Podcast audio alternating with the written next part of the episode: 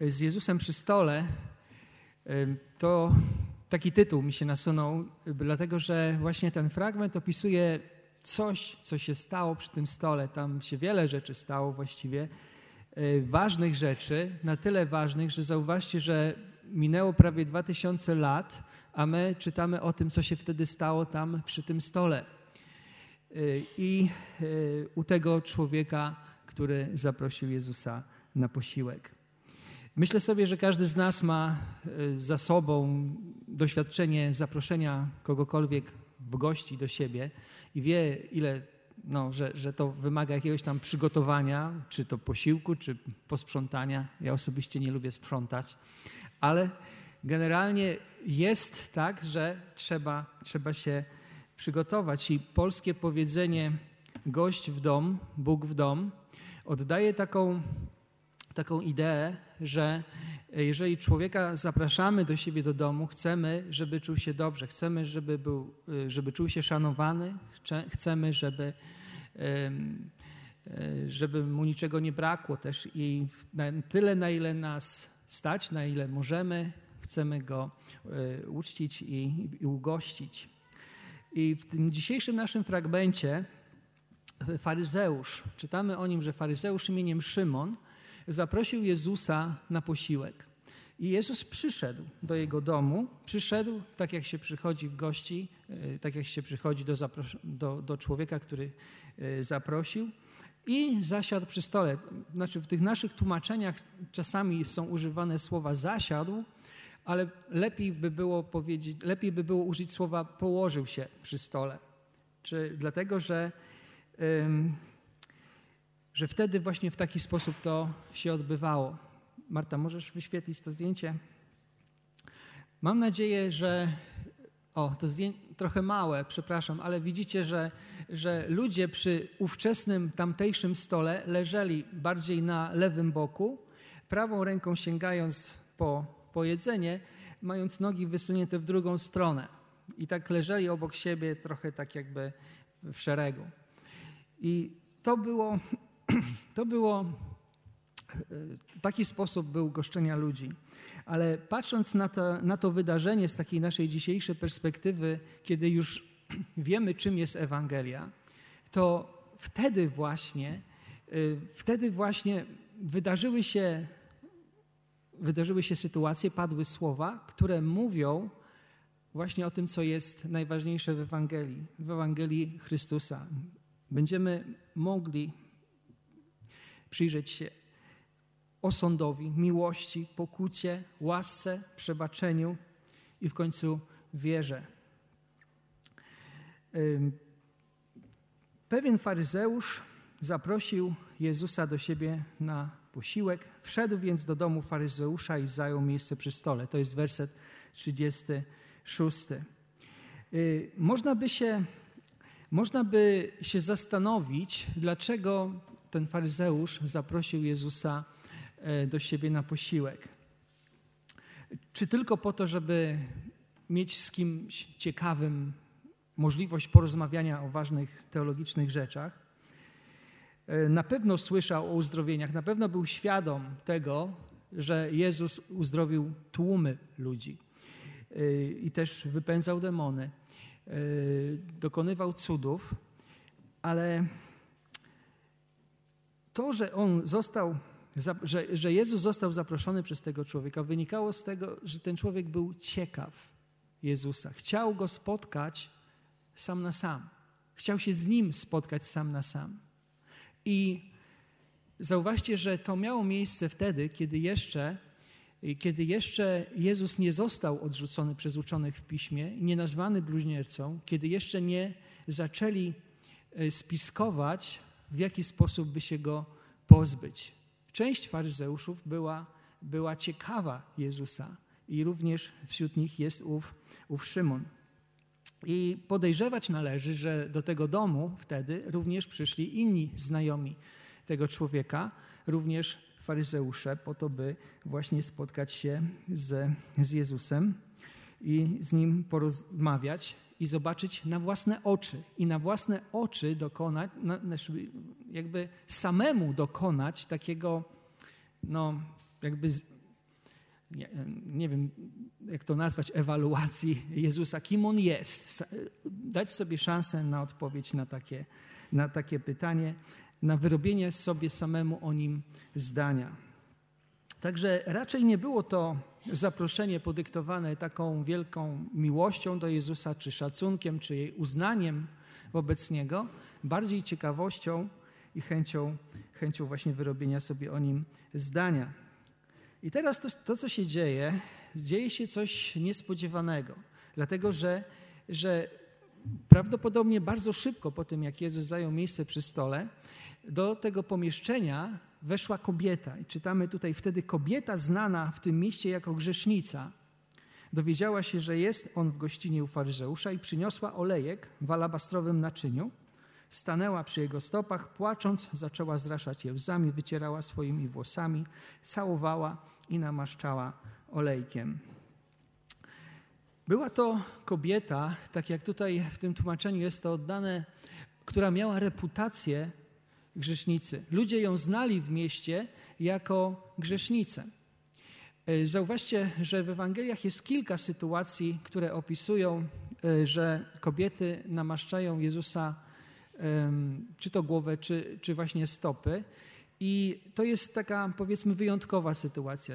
Tradycja chrześcijańska czasami utożsamia tę kobietę z Marią Magdaleną, ale nie, nie powinniśmy utożsamiać jej z nią albo z Marią z Betanii, albo jeszcze z tą kobietą, która w domu Szymona Trędowatego, to też jest kolejne, kolejne wydarzenie, e, namaściła Jezusa. Tutaj wydaje się, że to jest odrębna, odrębna historia. I zauważcie, że wtedy, e, kiedy Jezus przyszedł do tego domu, kiedy, kiedy byli wokół tego, leżeli wokół tego stołu i byli tam faryzeusze, to kobieta weszła do pomieszczenia pełnego mężczyzn. I weszła mając właśnie ową reputację grzesznicy. I tak jak dzisiaj to rozumiemy i, możemy zadać pytanie, e, jakiego grzechu była winna, to bardziej, to raczej idzie nasze rozumienie w taką stronę, że była winna grzechu prostytucji. E, tym się zajmowała i dlatego ludzie tak ją postrzegali, i też właściwie nią gardzili, dlatego że właśnie w taki sposób zarabiała na swoje życie. I w związku z tym, że była grzesznicą, a oni byli faryzeuszami, którzy chcieli przestrzegać prawa, mieli takie pojmowanie, że trzeba się oddzielić od grzeszników. Nie, nie wolno mieć niczego wspólnego z tymi, którzy właśnie grzeszą, żeby ich grzech, żeby ich nieczystość nie przeszła na, na, na, nich. Tak? Czyli wierzyli w takie zbawienie przez oddzielenie, jak, jak niektórzy to nazywają. Faryzeusze szczególnie nie chcieli się skalać grzechem innych ludzi. I ta kobieta miała alabastrowy, alabastrową amforkę taką, taki, takie naczynko z pięknie pachnącym olejkiem. Jeżeli ktoś nie wie, alabaster to jest rodzaj gipsu, takiego skrystalizowanego, prześwitującego materiału, który można łatwo wyżłobić, uformować w, w takie właśnie amforki. I e, w innych miejscach Ewangelii wiemy, że w tego rodzaju naczyniach e, noszono olejki, które były bardzo cenne. Na przykład olej nardowy e, jest opisany, że miał wartość 300 denarów, co stanowiło zarobek roczny robotnika, który pracował fizycznie. Czyli spodziewać się należy, że ten olejek, który ona przyniosła, był bardzo cenny. Jeżeli to był olejek nardowy, to był to olejek o wartości rocznego zarobku robotnika fizycznego. Czyli na nasze warunki olejek warty, no ile zarobi pracownik fizyczny? 30 tysięcy? 40 może, jak ma dobrą pracę? Tak, także tego rodzaju, tego rodzaju przełożenie musimy, musimy mieć. I... Yy, Oprócz tego, że weszła do pokoju pełnego mężczyzn, ta kobieta zachowała się w sposób łamiący wszelkie kulturowe obyczaje tamtego czasu. Nie dość, że nikt jej nie zaprosił, sama weszła, sama gdzieś tam się przebiła przez tych wszystkich ludzi, weszła do tego pomieszczenia, to, je, to płakała, łzy kapały na stopy Jezusa, Oczywiście te stopy były zakurzone. To wiecie, co się dzieje z kurzem i z wodą, prawda? Jeżeli się połączą, to tworzy się taka, taka maść błotnista. E, wycierała te stopy e, swoimi włosami, całowała je i w końcu namaszczała, e, namaszczała tym drogocennym olejkiem. W oczach faryzeusza Szymona i tych innych, którzy tam byli, ta kobieta, zgodnie ze swą reputacją, postępowała nieprzyzwoicie. To były w ich oczach nieprzyzwoite czyny, których, których ona się dopuszczała. I można by postawić pytanie, co sprawiło, że ta kobieta tak się zachowywała względem Jezusa. I na, odpowiedź na to pytanie znajdziemy później, ale teraz przyjrzymy się faryzeuszowi Szymonowi. Kiedy zobaczył to faryzeusz, werset 39, który go zaprosił, pomyślał sobie, gdyby on był prorokiem, poznałby, co to za kobieta go dotyka. Przecież to grzesznica. I teraz, kiedy można tak sobie się zanalizować, y, co charakteryzowało tego człowieka, to zauważcie, że Szymon Faryzeusz bardzo szybko, konkretnie i, i tak kategorycznie dokonał dwóch osądów. Osądził kobietę jako grzesznicę, której nie można dotykać, y, zgodnie z tą reputacją, która ona miała w mieście, i osądził Jezusa jako nieproroka. W jego oczach Jezus nie mógł być prorokiem posłanym przez Boga, świętym, y, takim człowiekiem posłanym przez Boga, dlatego że jeśli byłby prorokiem i byłby święty, to po pierwsze wiedziałby, co to za kobieta y, przyszła i, i, i która go dotyka, a po drugie nie pozwoliłby takiej kobiecie, żeby dotykała jego nóg. Tego, tych dwóch osądów w tej jednej chwili dokonał ten człowiek, faryzeusz, Szymon. I Jezus jednak chce mu coś pokazać. Chce mu coś pokazać o tym jego osądzeniu, w szczególności wskazać osobę, której nie osądził i przejmuje inicjatywę zadaje, mówi mu, że ma mu coś do powiedzenia. Ma mu coś do powiedzenia. Wtedy Jezus odezwał się do niego: Szymonie, mam ci coś do powiedzenia. A on na to: Powiedz, nauczycielu. I ten werset może być takim wprowadzeniem, ale informuje nas o tym, za kogo Szymon, faryzeusz, miał Jezusa. Zauważcie, że zwraca się do niego słowem nauczycielu, ten didaskalos, nauczycielu.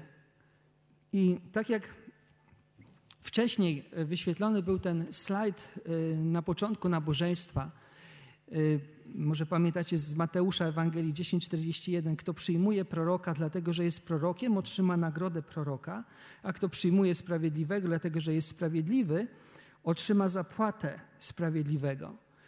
Y, Szymon faryzeusz nie postrzegał Jezusa jako, jako Mesjasza, nie postrzegał nawet jako uzdrowiciela, nie postrzegał jako proroka, do takiego wniosku już wcześniej doszedł, postrzegał jako nauczyciela. I w związku z tym dostał lekcję od nauczyciela. Przyjął pod swój dach Syna Bożego, ale przyjął go jako nauczyciela i dostał zapłatę nauczyciela, dostał po prostu lekcję. I na czym ta lekcja polegała? Otóż polegała na pokazaniu mu, że nie jest taki doskonały, jako sobie myślał, że jest. I aby to zrobić, Jezus zestawił i porównał jego postępowanie względem Jezusa z postępowaniem kobiety względem Jezusa. Y, z kobiety, którą ten Szymon właśnie miał za grzesznicę. Lekcja zaczęła się od przypowieści o dwóch dłużnikach. 41 werset. Pewien wierzyciel miał dwóch dłużników. Jeden był winien 500 denarów, a drugi 50. Ponieważ nie mieli z czego oddać, darował dług obydwum. Który więc z nich będzie go bardziej miłował? Szymon odpowiedział: Uważam, że ten, któremu więcej darował. Wówczas Jezus oznajmił: Słusznie osądziłeś.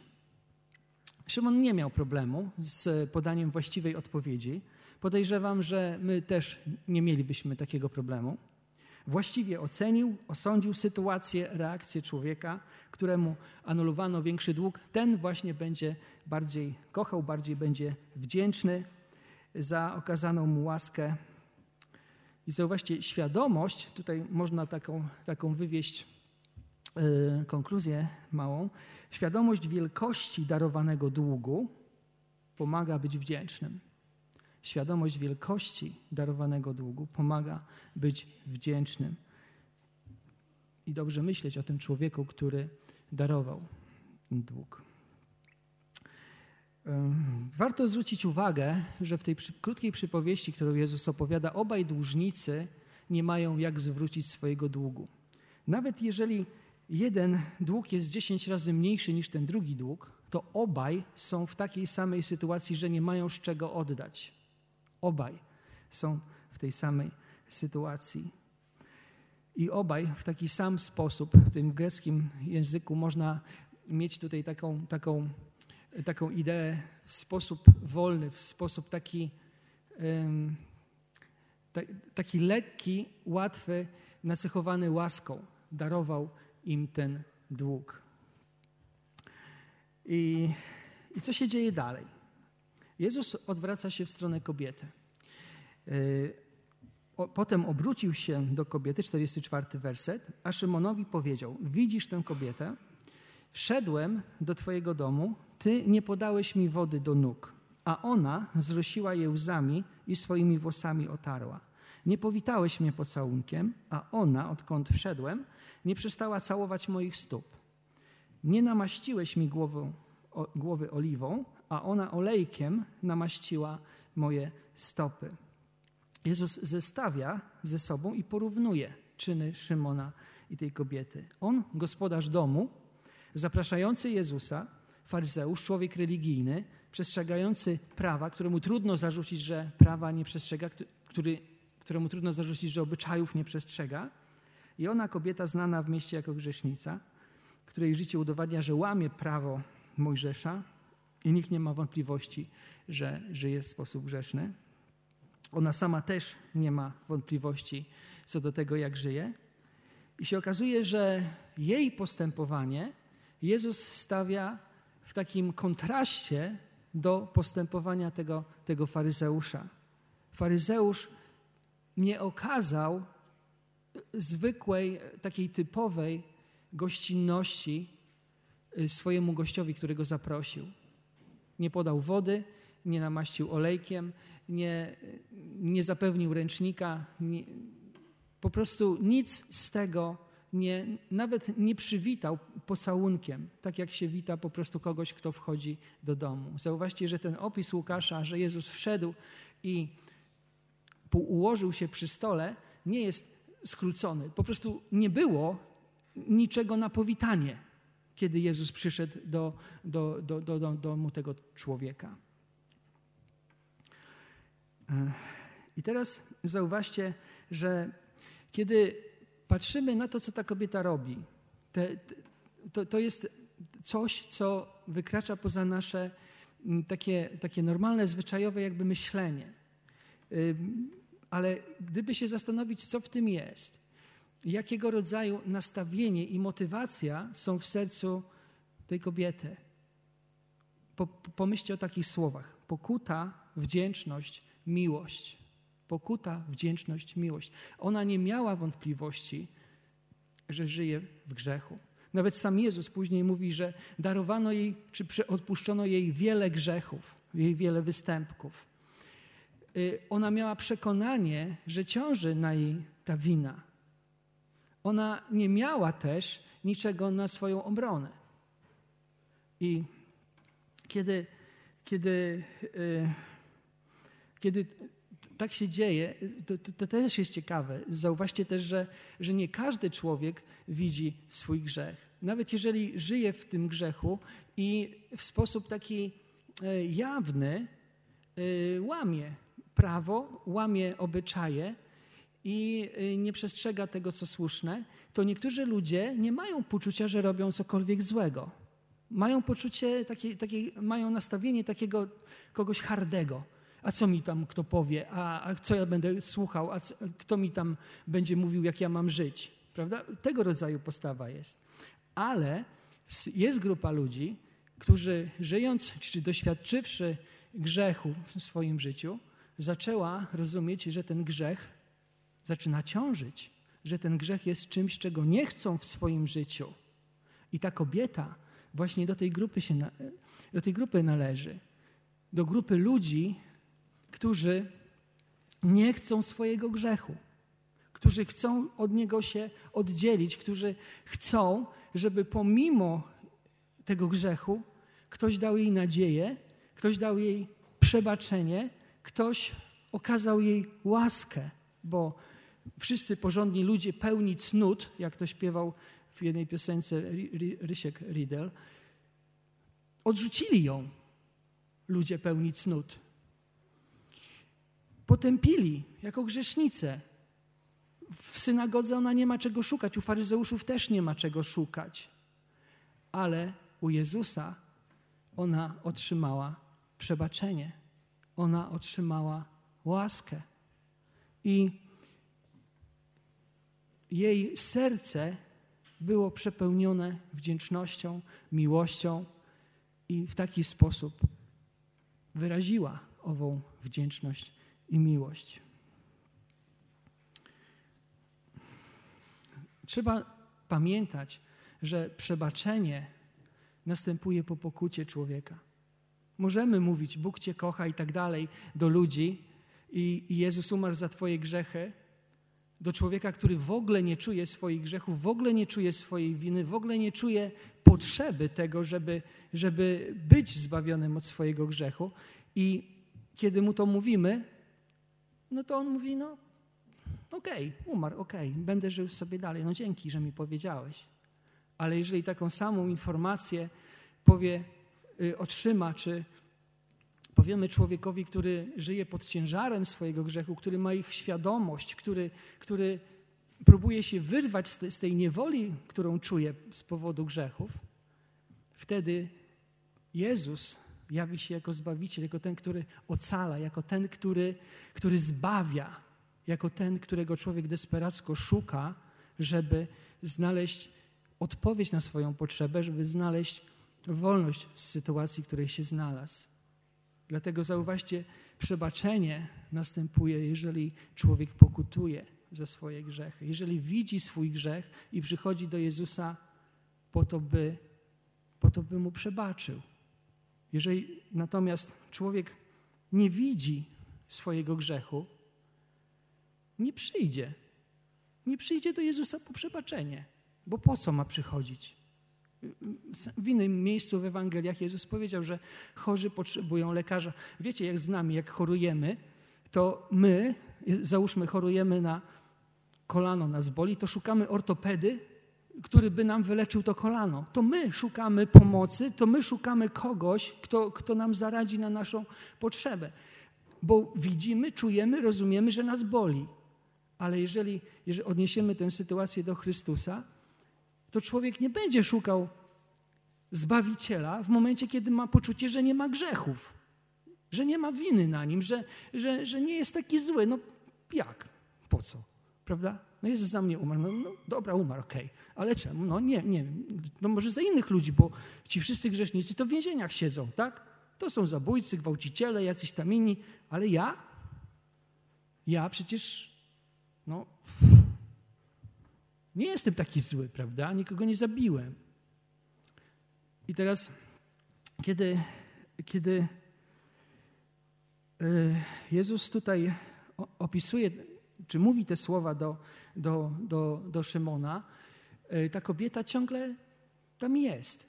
Obmywa jego nogi, płacze, namaszcza olejkiem, całuje jego stopy i mówi w końcu Jezus, przebaczono liczne jej grzechy, bo bardzo miłowała. Przebaczono są liczne jej grzechy, ponieważ bardzo miłowała. Komu zaś mało się przebacza, mało miłuje.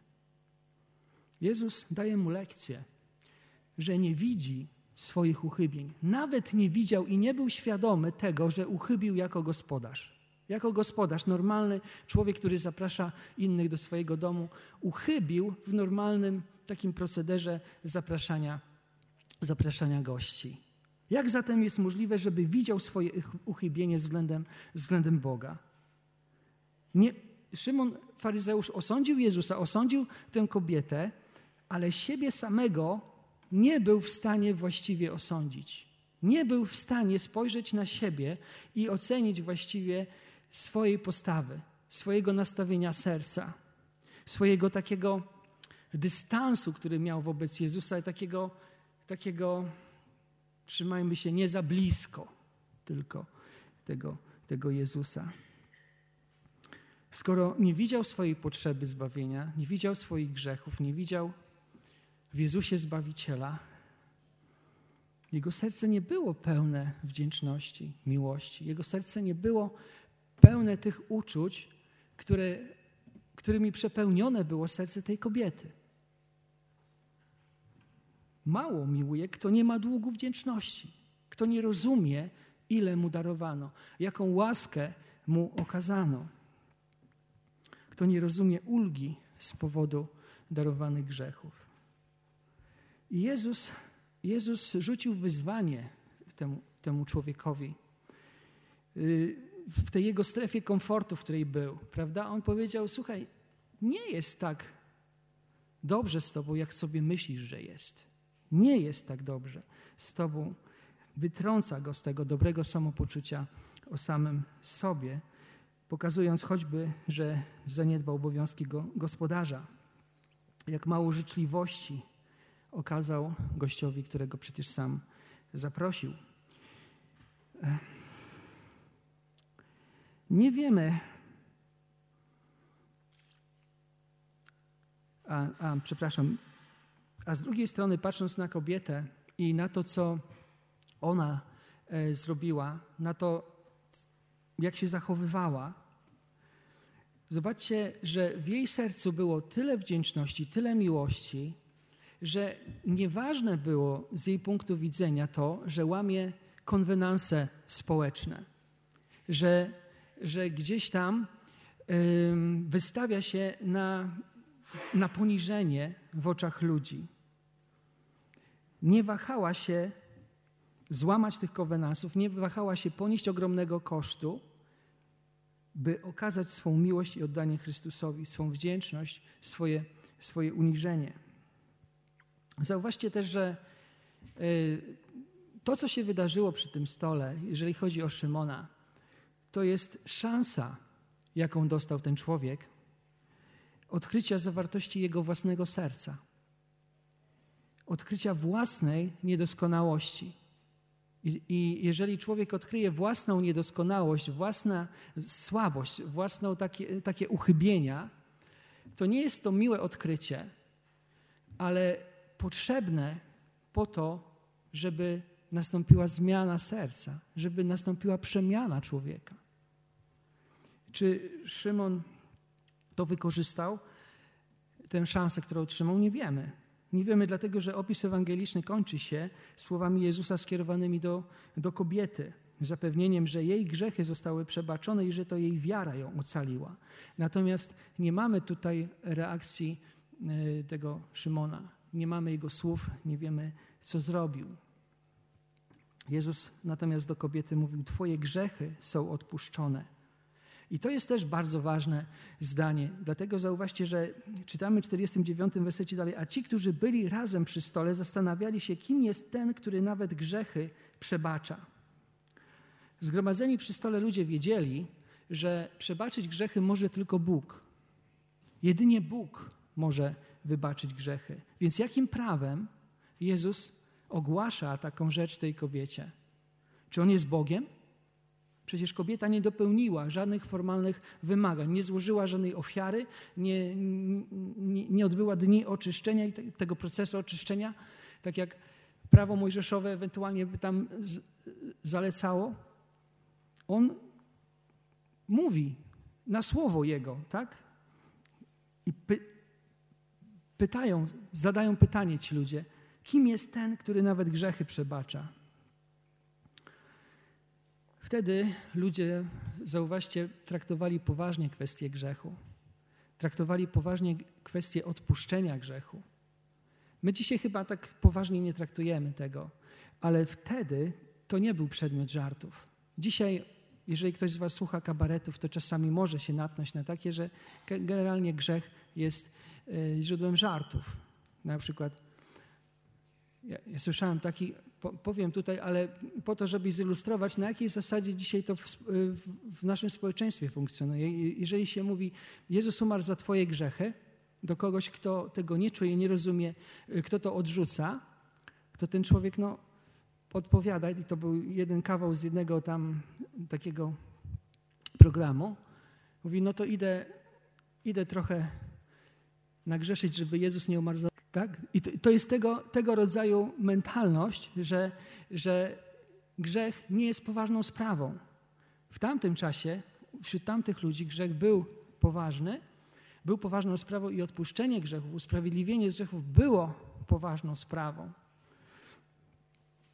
Zastanawiali się, yy, oni się wtedy nie zastanawiali nad tym, czym jest grzech i czy jest w ogóle, ale nad tym, kto może tak powiedzieć, że Twoje grzechy są odpuszczone. I tak sobie myślę, że każdy z nas chciałby to usłyszeć w taki, w taki, w taki słyszalny, e, fizyczny sposób. Twoje grzechy są odpuszczone.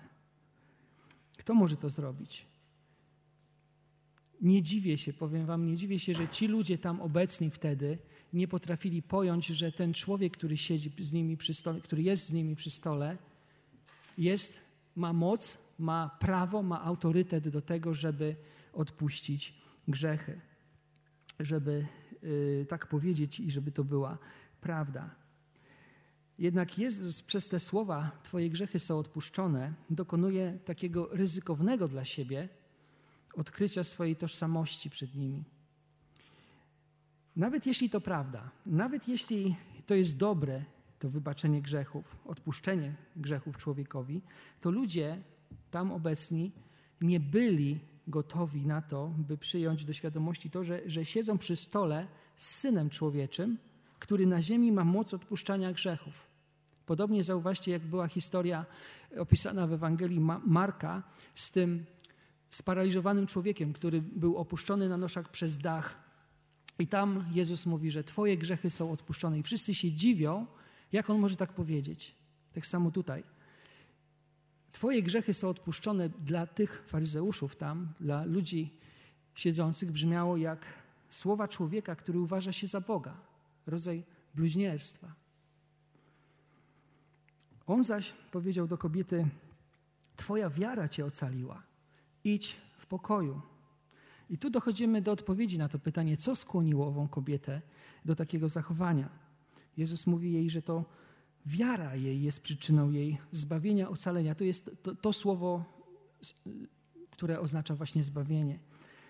Wiara w co, można by zapytać? I właściwie za każdym razem, kiedy Jezus wypowiada w Ewangeliach to, to zdanie, Twoja wiara Cię ocaliła albo uzdrowiła, odbywa się to w kontekście dokonanego cudu. E, I chodzi tutaj nie o wiarę w Boga, bo tam wszyscy Żydzi wierzyli w Boga, ale o wiarę w Jezusa Chrystusa jako syna Boga, jako syna człowieczego, jako Mesjasza, który przyszedł na ziemi. Tej wiary ludzie wtedy nie mieli. I jeżeli jest mowa i kiedy Jezus mówi, wiara Twoja ocaliła Cię, to mówi o tym, że taka wiara była obecna w tej kobiecie. Taką wiarę ta kobieta miała, że Jezus jest Synem Bożych. I skoro wiemy z listu do Hebrajczyków, że wiara jest przekonaniem o prawdziwości rzeczy, których nie widać, mamy tutaj do czynienia z kobietą, która nie widziała, ale uwierzyła, że Jezus jest Synem Bożym. I to jest podstawą jej zachowania.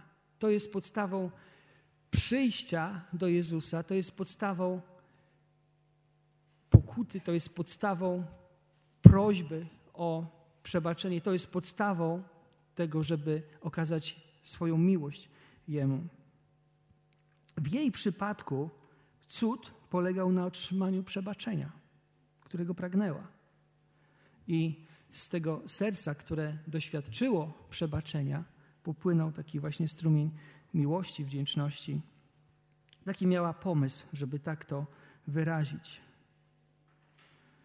I zauważcie, że tego, tego rodzaju wiara, czy tego rodzaju przekonanie było tak silne, że kulturowe uwarunkowania, jakiekolwiek zasady nie były na tyle ważne, żeby zatrzymać tę kobietę. I teraz y, kilka takich zastosowań dla nas. W czym przypominamy faryzeusza Szymona? Otóż umiemy sądzić innych dość szybko. Jednocześnie nie potrafimy właściwie spojrzeć na siebie samych. Mamy skłonność do porównywania się z innymi i w wyniku tego porównywania myśleć o sobie lepiej niż, niż powinniśmy. Myślę, że to jest nie tylko skłonność faryzeusza Szymona. W czym jeszcze przypominamy? Ano w tym, że trudno nam jest mieć świadomość swoich grzechów. Trudno nam rozumieć wagę i powagę naszych uchybień. W czym jeszcze? Ano może w tym, że gościmy Jezusa w swoich sercach, właśnie nie wkładając w to serca. Może wiemy, że On jest nauczycielem, dobrym człowiekiem, może wiemy, że uczynił wiele cudów, ale, ale nie okazujemy Mu takiego szacunku, takiego oddania, jakie On y, jemu się należy. Otrzymujemy wtedy zapłatę właśnie taką, e, według tego, jak, jak go przyjęliśmy. Czego natomiast uczy nas e, kobieta, znana jako grzesznica? Po pierwsze, nie każdy grzesznik, czy nie każda grzesznica jest szczęśliwa w tym swoim stanie grzechu. Niektórzy ludzie chcą się wyrwać ze swojego stanu grzechu e, i nie są hardzi ale żyją z ciężarem. Dlatego myślę sobie, że jeżeli ktokolwiek z nas o kimś usłyszy, kogoś zobaczy, że żyje w grzechu, byśmy powstrzymywali się od szybkich, pochopnych osądów, od wydawania takich osądów na taką, na taką osobę. Uczy nas również, że świadomość grzechu prowadzi do szukania Zbawiciela. Wielkość tej świadomości, ta, ta, taka klarowność tego, że, że się jest grzesznym człowiekiem, prowadzi właśnie do nóg Zbawiciela za wszelką cenę. I nie ma znaczenia, co pomyślą ludzie wtedy. Nie ma znaczenia. Tylko ma znaczenie to, żeby być przy Jezusie, żeby do Niego przyjść, żeby w końcu też wyrazić Mu swoją wdzięczność. Uczy nas też, że Ewangelia daje szansę grzesznikom. Daje szansę takiej, takie, taką szansę, jakiej nie daje często społeczeństwo. I co smutne, czasami nie daje również Kościół. Możecie się zdziwić, ale Kościół potrafi być bardzo hermetycznie zamknięty na ludzi, którzy się nawrócili ze swoich grzechów i którzy przychodząc do społeczności Kościoła nie znajdują w nim dla siebie miejsca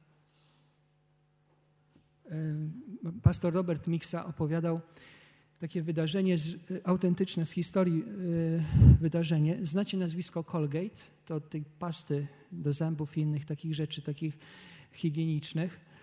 E, w XIX wieku e, był w jednym kościele, który już tak trochę topniał w liczbie i zaczęli się modlić o ludzi.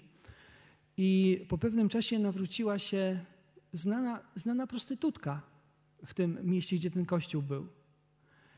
I ona przyszła do tego kościoła i poprosiła o to, żeby, żeby mogła zostać członkinią tego kościoła. I, yy, I co się stało? I ludzi ogarnęła konsternacja. Jak to?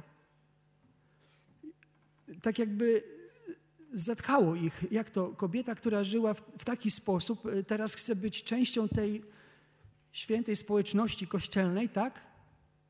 No i mieli spotkanie, co zrobić, i, mieli, i zwołali takie, takie zgromadzenie. I, y, i no, no nie, tak, nie, jak to będzie wyglądać i tak, co o nas powiedzą.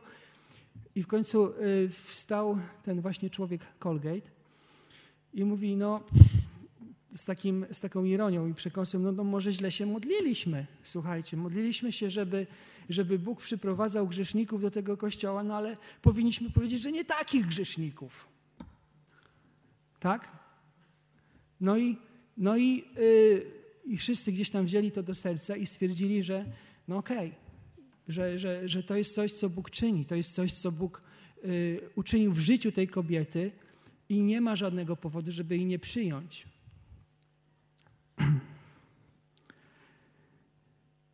Także Ewangelia daje szansę grzesznikom y, i y, szansę, której właśnie może nikt inny jej im nie daje. Ważne jest też, y, żebyśmy pamiętali, że nie ma takiego grzechu, który jest zbyt wielki dla naszego Zbawiciela. Może pamiętacie osobę, która się nazywa John Newton. On jest autorem pieśni Cudowna Boża Łaska. Wcześniej był, był takim człowiekiem, który był między innymi handlarzem niewolników i później został pastorem, pisał pieśni i tak dalej. I właśnie pod koniec swojego życia tracił już pamięć. Tak jak wiecie, demencja czasami się zdarza u ludzi. I, i, w tych, takim, takim momencie jeden ze znajomych jakby no, zapisał, czy, czy zapamiętał to, że, że on powiedział, że, że, że dwie rzeczy pamięta. Jestem wielkim grzesznikiem, a Chrystus jest wielkim Zbawicielem. Te dwie rzeczy pamiętał. Dobrze jest, żebyśmy my też pamiętali. W końcu ta kobieta uczy nas wiary, która jest czynna w miłości wiary, która wyraża się w miłości. Uczy nas, że odrodzony człowiek chce uczcić swojego Zbawiciela, oddać Mu chwałę, oddać Mu cześć. To jest, to jest jakieś takie pragnienie wypływające z wnętrza, żeby zaśpiewać pieśń. I kiedy się śpiewa tę pieśń Zbawicielowi na chwałę, to człowiek czuje się szczęśliwy, że może śpiewać tę pieśń. Nie wiem, czy mieliście takie, takie momenty. Ja z pewnością mogę powiedzieć, że, że, że jestem świadomy czegoś takiego, nie? Że, że gdzieś tam są, może nie, nie, nie codziennie i, i nie cały czas, ale są tego rodzaju chwile, kiedy jestem szczęśliwy, że mogę Boga uwielbiać, słuchajcie. Że mogę Go uczcić, nawet jeżeli to są moje słowa, nawet jeżeli, jeżeli sam mam świadomość, że, że nie jestem y, doskonały. Bo to pragnienie śpiewania Bogu płynie z odrodzonego serca. Zauważcie, że nieodrodzone serca nie chcą Bogu śpiewać na chwałę. Nie chcą się modlić do Boga, nie chcą oddać Mu cześć, oddać Mu czci po prostu. Nie mają tego pragnienia, bo nie mają tej wdzięczności, nie mają tej miłości do Niego. Nigdy być może nie przyszły do Niego jak do Zbawiciela i nie otrzymały nagrody Zbawiciela. Czego uczymy się od Jezusa? Y, od Jezusa uczymy się, że spotkanie z Nim jest nadzieją dla grzeszników i dla tych, co się nie uważają za grzeszników. Ci pierwsi mogą utrzymać przebaczenie, a ci drudzy mogą otrzymać świadomość swoich grzechów, która może być początkiem ich nawrócenia. Jezus, Jezus w sposób delikatny, ale jednak dosadny pokazał Szymonowi, że nie jest tak doskonały, jak o sobie myśli. I Szymon to zobaczył. Czy z tego skorzystał? Nie wiemy. Uczymy się jeszcze, że to On wybacza grzechy. Kto ma świadomość swego grzechu i ciężar z niego wynikający, w tej historii widzi, widzi dla siebie ratunek. Łaskę, przebaczenie grzechów otrzymała kobieta o tej reputacji grzesznicy, która rzeczywiście nią była. Ona żyła w grzeszny sposób ale otrzymała łaskę i przebaczenie. Czy Bóg wybaczył ci mało czy dużo? To już ostatnie zdanie. Dług wobec Boga, jaki ma człowiek, jest długiem, którego nie jest w stanie zapłacić. Nie jest w stanie odpracować, nie jest w stanie się wykupić z tego długu. Czy w Jezusie znalazłeś nauczyciela, proroka czy zbawiciela? Postańmy teraz, by się modlić